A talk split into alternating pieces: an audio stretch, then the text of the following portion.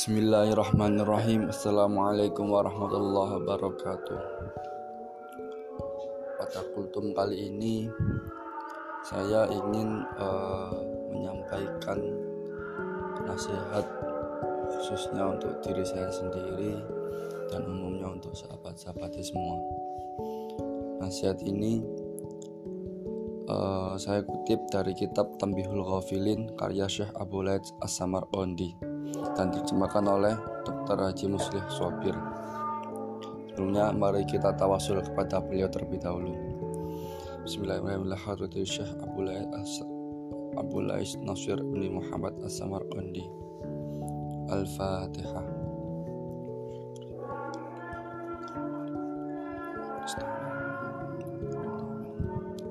Bismillahirrahmanirrahim. Sallallahu ala sayyidina maulana Muhammadin wa ala alihi wa sahbihi wasallam. Alhamdulillah hamdan yuafi na'ama wa yukafi mazidah Bismillahirrahmanirrahim. Di, Diriwayatkan dari salah seorang tabi'in bahwasannya ia berkata Sesungguhnya terhadap orang yang berbuat dosa Lalu ia senantiasa menyesali perbuatannya Dengan disertai memohon ampun Sehingga ia masuk surga Maka setan akan berkata Celakalah aku tidak bisa menjerumuskan dia ke dalam dosa itu. Pada pembahasan mengenai taubat ini, uh, selanjutnya diriwayatkan dari Abu Bakar Al-Wasiti bahwasanya ia berkata, tidak tergesa-gesa itu baik dalam segala hal, kecuali dalam tiga hal, yaitu ketika datang waktu sholat, ketika mengubur jenazah, dan tobat bila berbuat maksiat.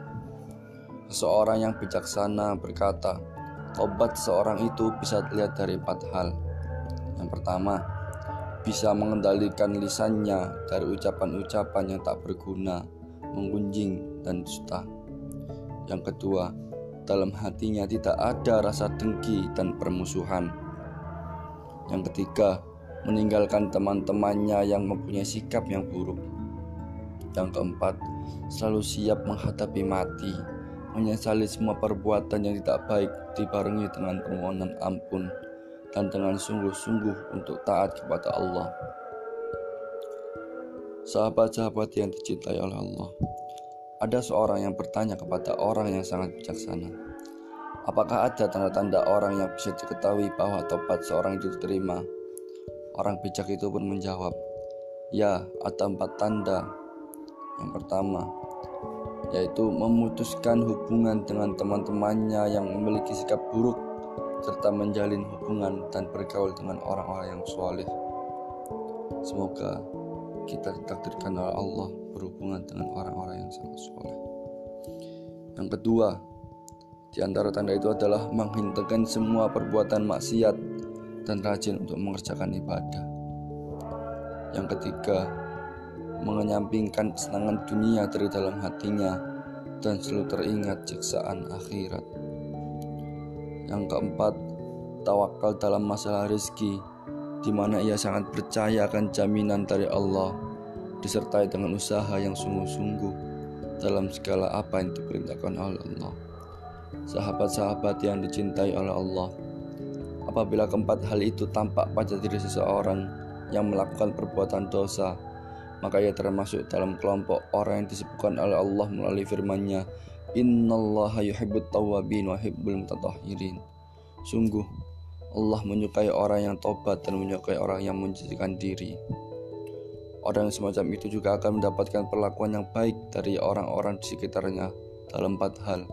Yang pertama mereka akan selalu mencintainya karena Allah karena Allah telah mencintainya mereka orang-orang sekitar kita akan selalu menjaga dan mendoakan kita. Yang ketiga, mereka tidak, lagi menghiraukan dosa-dosanya yang telah lewat.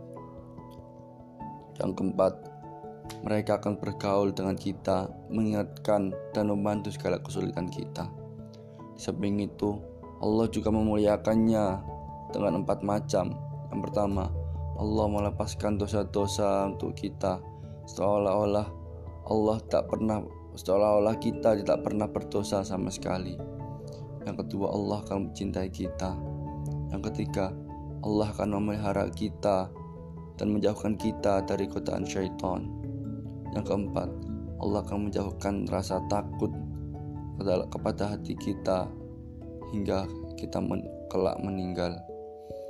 Allah Allah Subhanahu wa taala Allah Subhanahu wa taala berfirman tanazzalu alaihimul malaikatu alla tukhafu wa la tahzanu wabshir bil jannati allati kuntum tu'adun.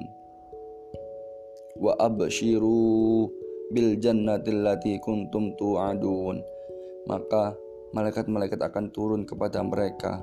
Janganlah kamu merasa takut dan janganlah kamu bersedih hati. Dan bergembiralah bergembiralah dengan bergembiralah kamu dengan memperoleh surga yang telah dijanjikan kepadamu. Allahu a'lam bishawab. Assalamualaikum warahmatullahi wabarakatuh.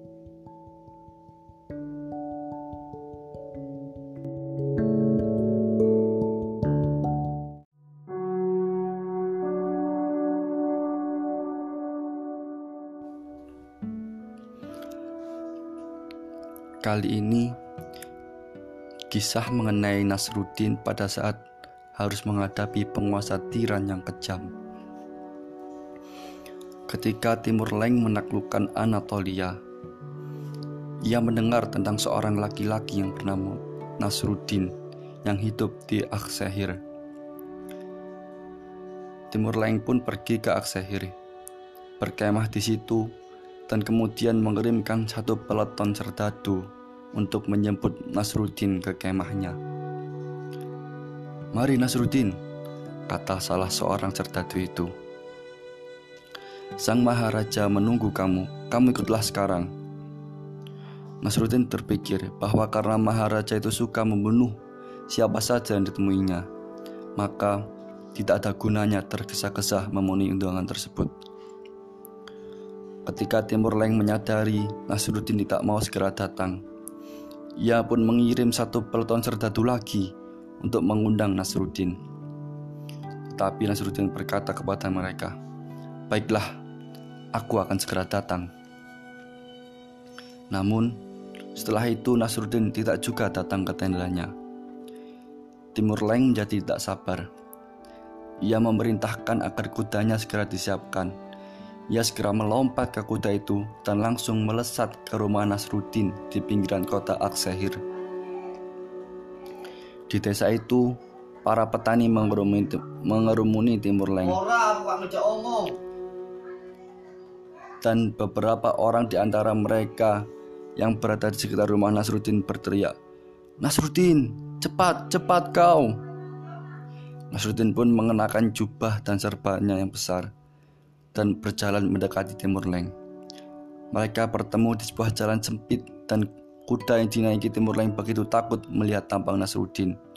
Sehingga hewan itu melompat tinggi-tinggi dan Maharaja pun terpental dari punggungnya.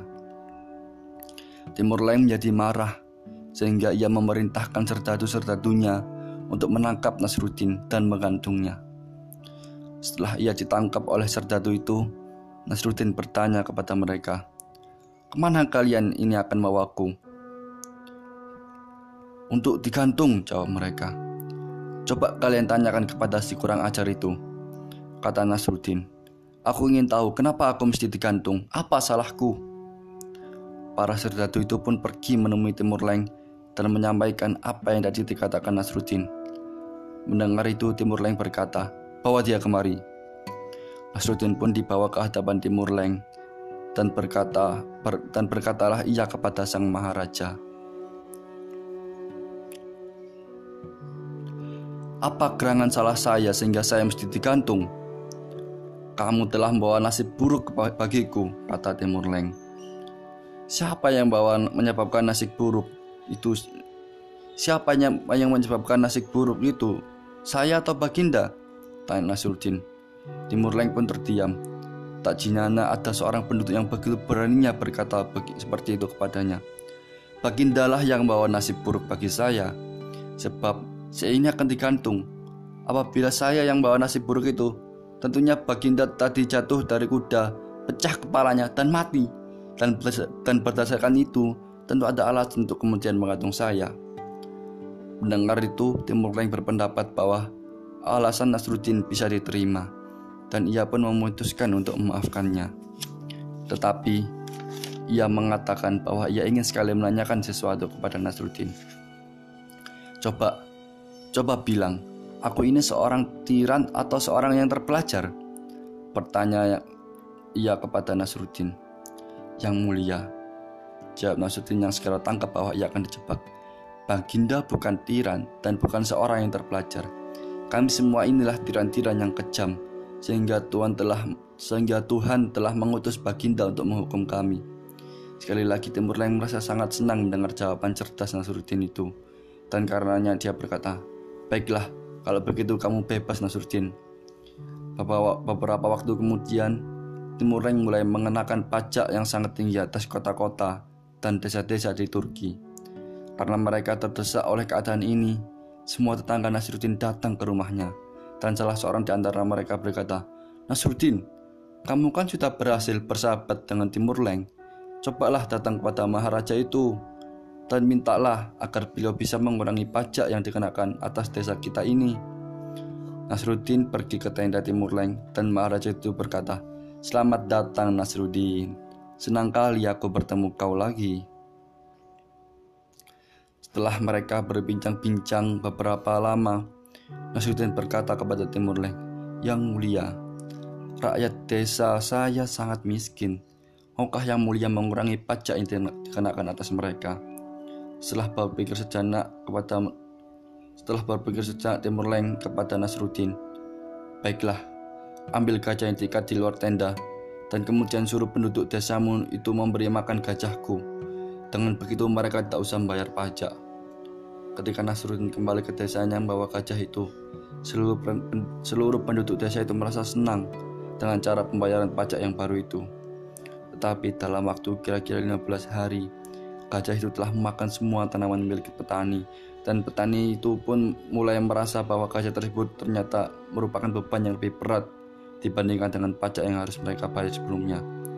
Mereka sekali lagi datang kepada Nasruddin Nasruddin, tolong kembalikan gajah ini kepada Baginda Timur Leng dan biarlah kami bayar pajak seperti yang dia putuskan dulu itu. Nasruddin berpikir sejenak mempertimbangkan masalah yang berbahaya ini dan kemudian dia usul agar seluruh penduduk desa itu pergi ke bersamanya menemui Timur Leng.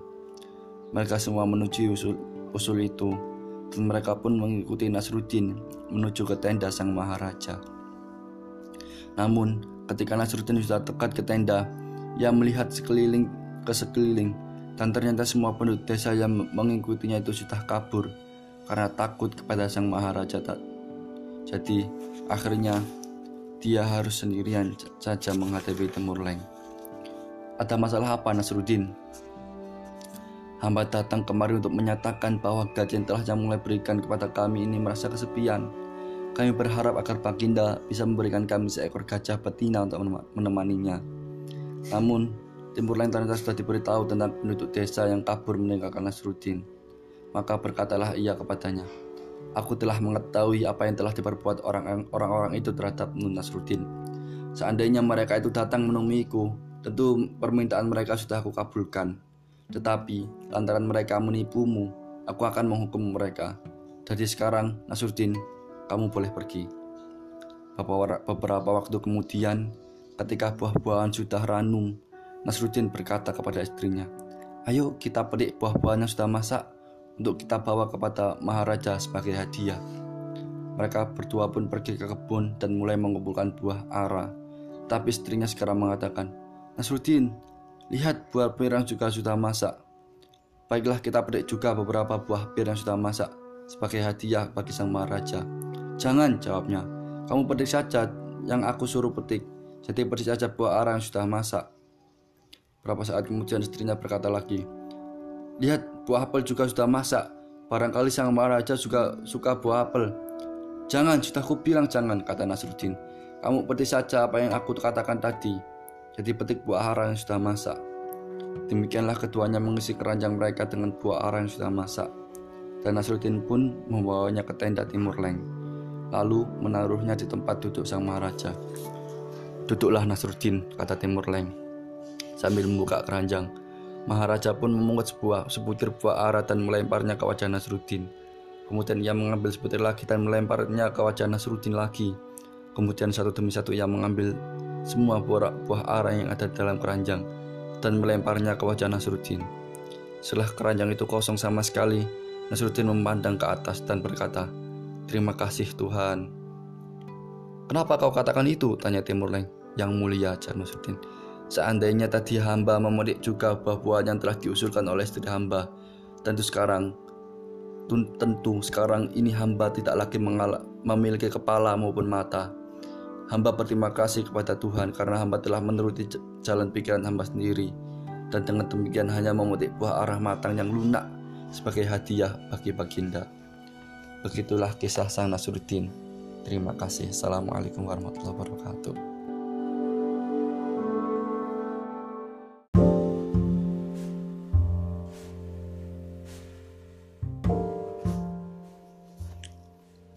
Kali ini saya akan bercerita tentang sejarah Gua Maulana Maghribi, pesantren perut bumi Al-Maghribi, Tuban, Jawa Timur.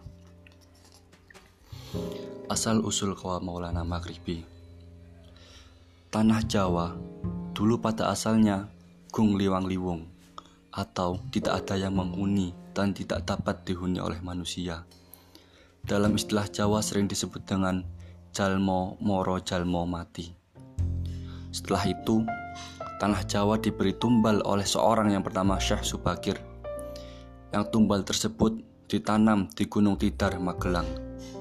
Dan konon, tumbal yang dibuat oleh Syekh Subakir untuk mengamankan tanah Jawa itu hanya sampai masa 2000 tahun dari tahun Hijriyah Rasulullah Shallallahu Alaihi Wasallam. Syekh Subakir adalah dulunya seorang yang beragama Buddha yang mengembara melalang buana jagoan perang di Timur Tengah, tidak ada yang mampu mengalahkannya. Kan tetapi, pada saat perang melawan Sayyidina Ali radhiyallahu an, ia kalah lalu masuk Islam dan diberi nama Syubakir yang kelak diutus untuk membuat tumbal di tanah Jawa. Setelah tanah Jawa diberi tumbal, akhirnya Jakarta, Banten, Serang, Banyuwangi, Situbondo, Malang, Besuki, Pemanuan, dan yang lainnya sudah dapat ditempati, kecuali Tuban.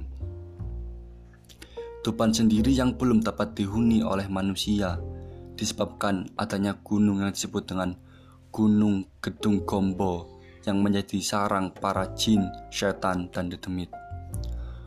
Zuriyah Rasulullah diperintahkan oleh baginda Rasul untuk menyebarkan syariat beliau di Indonesia yang penyebarannya atau singgahnya lewat Tuban. Akan tetapi, Tuban tidak dapat disinggahi dikarenakan adanya gunung tersebut. Akhirnya, para wali hanya bisa singgah di daerah Semanding, yang sekarang dinamakan Kecamatan Semanding. Kemudian, di peronggahan para wali naik ke goa yang disebut dengan Goa Gumbul Tuban. Di Goa Gumbul inilah tempat para wali berkumpul dan mengadakan sidang. Kemudian, yang ditunjuk untuk memberikan keputusan sidang adalah Mbah Malik Ibrahim Sunan Gresik dan Mbah Ash'ari Sunan Pejagung Tuban. Lalu, sidang dimulai dan dipimpin langsung oleh gurunya para wali, yaitu Mbah Mustaqim Campur Darat Tulung Agung. Keputusan sidang para wali untuk mengatasi hal tersebut di atas adalah perlunya minta bantuan yakni mengundang Maulana Maghribi dari Hadramaut untuk datang ke tanah Jawa. Akhirnya, tidak lama kemudian, Maulana Maghribi datang ke Jawa dan langsung menuju Tuban untuk melaksanakan tugas, yakni menyingkirkan dan mengusir para jin parayangan, setan dan dedemit yang menghuni, yang menghuni dan bersarang di gunung Gedong Gombo Tuban. Kemudian Gedung tersebut oleh Maulana Maghribi diinjak dengan kerasnya sehingga menjadi hancur atau ambles yang pada akhirnya menjadi goa dan pen penghuninya pun kocar kacir terbirit-birit minggat ketakutan. Siapa Maulana Maghribi? Yang begitu hebatnya Maulana Maghribi adalah duriyah Rasulullah Sallallahu Alaihi Wasallam, yakni Maulana Maghribi putra Sultan Abdul Majid, adiknya Maulana Ishak kakaknya Maulana Ibrahim Asmorokondi Palang Tuban. Maulana Maghribi pernah kakaknya Raden Rahmatullah Sunan Ampel. Setelah Maulana Maghribi menjalankan tugas, kemudian goa yang asalnya gunung tersebut dicerahkan kepada seorang bernama Putri Ayu Sendang Harjo supaya menjaganya. Lalu Maulana Maghribi pun berangkat pulang ke negeri asalnya yaitu Hadramaut. Putri Ayu Sendang Harjo setelah menerima amat itu ini lalu dijalaninya dengan beribadah mendekatkan diri kepada Yang Maha Kuasa sampai bertahun-tahun, bahkan sampai ratusan tahun hingga raganya hilang musnah. Begitu pula tempat Putri Ayu bersemedi yang dulunya adalah wujud goa setelah melewati masa yang sangat lama itu, maka menjadi hilang tertutup semak belukar, tumbuhan dan kotoran bumi karena tidak ada manusia yang tahu. Pada awalnya, beliau Kiai Haji Subhan Mubarak asal Modo atau Gajah Mada Lamongan mendapatkan wangsit dari sesepuh untuk mencari goanya. Goanya wali dan disuruh mendirikan pesantren dalamnya. Namun, beliau masih agak bingung karena belum ada petunjuk tempat yang jelas. Lalu beliau pun terus berusaha mencarinya dan selalu istikharah minta petunjuk dari Allah Subhanahu wa taala sampai beberapa tahun. Setelah kurang lebih tiga tahun berusaha dan berdoa, akhirnya pada tahun 2002 Masehi, beliau sudah mendapatkan petunjuk yang jelas yakni suatu tempat di daerah Tuban. Tempat ini setelah ditemukan kemudian dibeli yang keadaannya sudah menjadi semak belukar dan sangat kotor karena memang sudah menjadi tempat pembuangan sampah selama 15 tahun oleh pihak pemerintah Kabupaten Tuban. Dan selanjutnya beliau Ki Haji Subhan Mubarak dalam tahun tersebut Tepatnya pada tanggal 10 Muharram 1432 Hijriah, beliau mulai membuka tempat ini dengan dibacakan istighosa dan doa-doa bersama kiai. Dan adapun kiai dan habaib itu adalah sebagai berikut.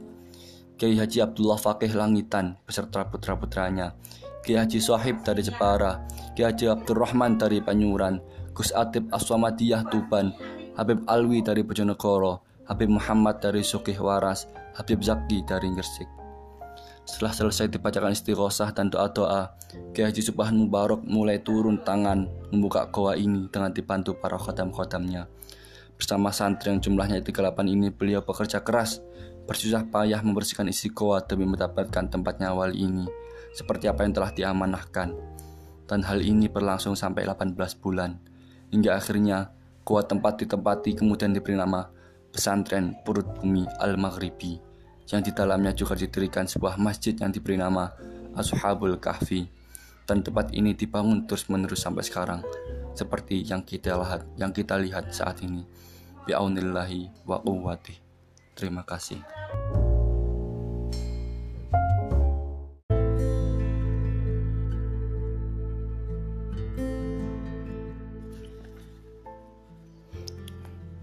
Kali ini saya akan menceritakan tentang orang yang mencintai Al-Quran. Masuknya Usaid bin Hudair ke dalam agama Islam berkat mendengarkan Al-Quran yang dibacakan oleh Mus'ab bin Umar. Mus'ab adalah sahabat yang diutus oleh Rasulullah untuk menyampaikan risalahnya ke Madinah. Oleh sebab itu, Usaid bin Hudair benar-benar sangat mencintai Al-Quran.